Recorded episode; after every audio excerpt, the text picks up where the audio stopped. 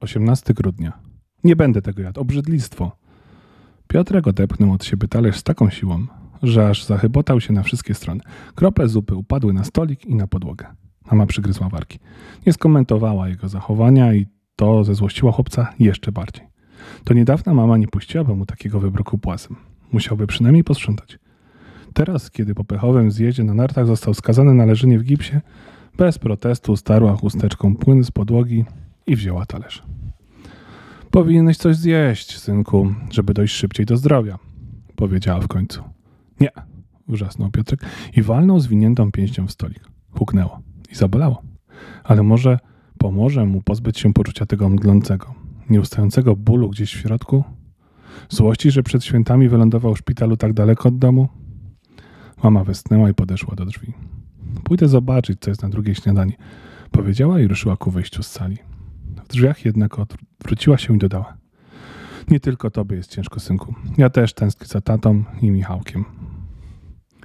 Piotrek został sam. Zły na cały świat. Tak bardzo chciałby wylądować na czymś, wyładować na czymś swoją złość, żeby choć na chwilę się jej pozbyć. Chwycił poduszkę i cisnął nią w kierunku ściany. Auć! Rozległo się nagle. Chłopiec zamrugał. Czy ja śnię? Pomyślał zdziwiony. W miejscu, gdzie jeszcze przed chwilą nic nie było, stał mały ludzik ze spiczastymi uszami i zadartym noskiem, trzymający przy ustach gwizdek. Lecąca niczym pocisk poduszka przed chwilą trafiła go w głowę, tak że aż spadła czerwona czapeczka. Co ty robisz? Powiedział stworek z oburzeniem. Ładnie to tak ciskać gości poduszkami. Przepraszam bardzo, powiedział potulnie Piotrek. Kim ty jesteś? Co tu robisz? Też się tu leżysz? No, niekoniecznie. Ludzik schylił się, podniósł czapeczkę i wsadził ją sobie na głowę. Westchnął ciężko, podszedł do łóżka i wskoczył na prześcieradło. Słuchaj, stary. Zaczął i zawahał się. Mam kłopoty. Jestem elf, wierci piętek, pomocnik świętego Mikołaja. Nie powinieneś mnie widzieć, nikt nie powinien. A ostatnio wszystkim rzucam się w oczy i będzie z tego awantura. Załatwmy to szybko. Nic nikomu nie mów, zapomnij o mnie. A ja załatwię dla ciebie taki super prezent, że wszyscy ci będą zazdrościć. Piotrek wzruszył ramionem. Ja często dostaję jakieś prezenty, nawet bez okazji. Aha, westnął elf.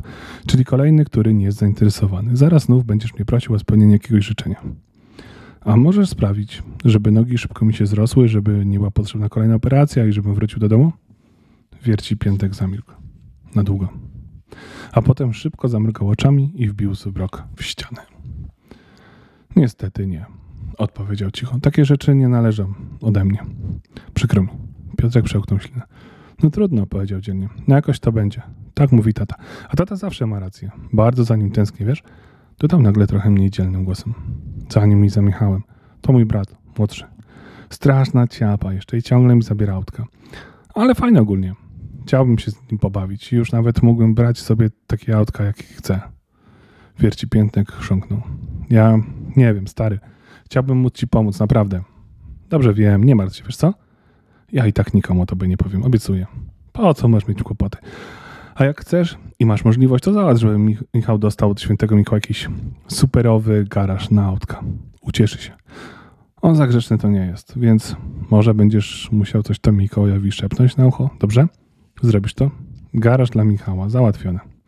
Wierci Piętek wyjął z kieszeni maleńki notesik i starannie w nim coś zapisał. Dostanie na pewno. Mogę ci coś jeszcze dla ciebie zrobić? Jeśli, jeśli się nie bardzo śpieszysz, to może mógłbyś zostać chwilę i podtrzymać mnie za rękę tylko przez moment, dopóki mama nie wróci. Pewnie.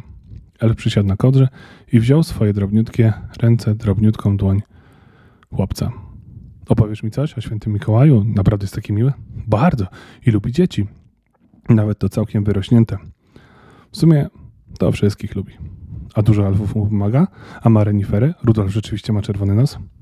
Najbardziej czerwony na świecie. Bardziej niż moja czapka. Wierci Piętek podrapał się w nos i zaczął opowiadać o wiosce elfów, całej ozdobionej światełkami błyszczącymi w zimowe wieczory, jak różnokolorowe gwiazdki w fabryce, gdzie elfy tworzą najpiękniejsze zabawki na świecie i gdzie z pewnością niedługo powstanie superowy garaż dla na autka dla Michała. O czytelni listów, gdzie są odczytywane nawet najbardziej nabazgrolone życzenia i marzenia. O Mikołajowej, która zawsze dla każdego ma w kieszeni piernika i która przez cały rok pachnie świeżym ciastem i płynem do mycia podłogi. O przyjaźni Rudolfa i Piastunka.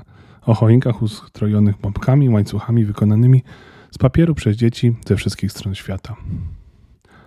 A potem Piotruś przysnął, bo kiedy otworzył oczy, wierci piętka nie było. Nad jego łóżkiem pochylała się mama, uśmiechnęła się szeroko i szczerze po raz pierwszy od dawna. Kochanie, szepnęła. Mam cudowne wieści. Spotkałam lekarza na korytarzu i powiedział mi, że na ostatnim prześwietleniu widać, że wszystko goi się idealnie. Zawiozam nas na święta do domu, do taty i Michała. Cieszysz się?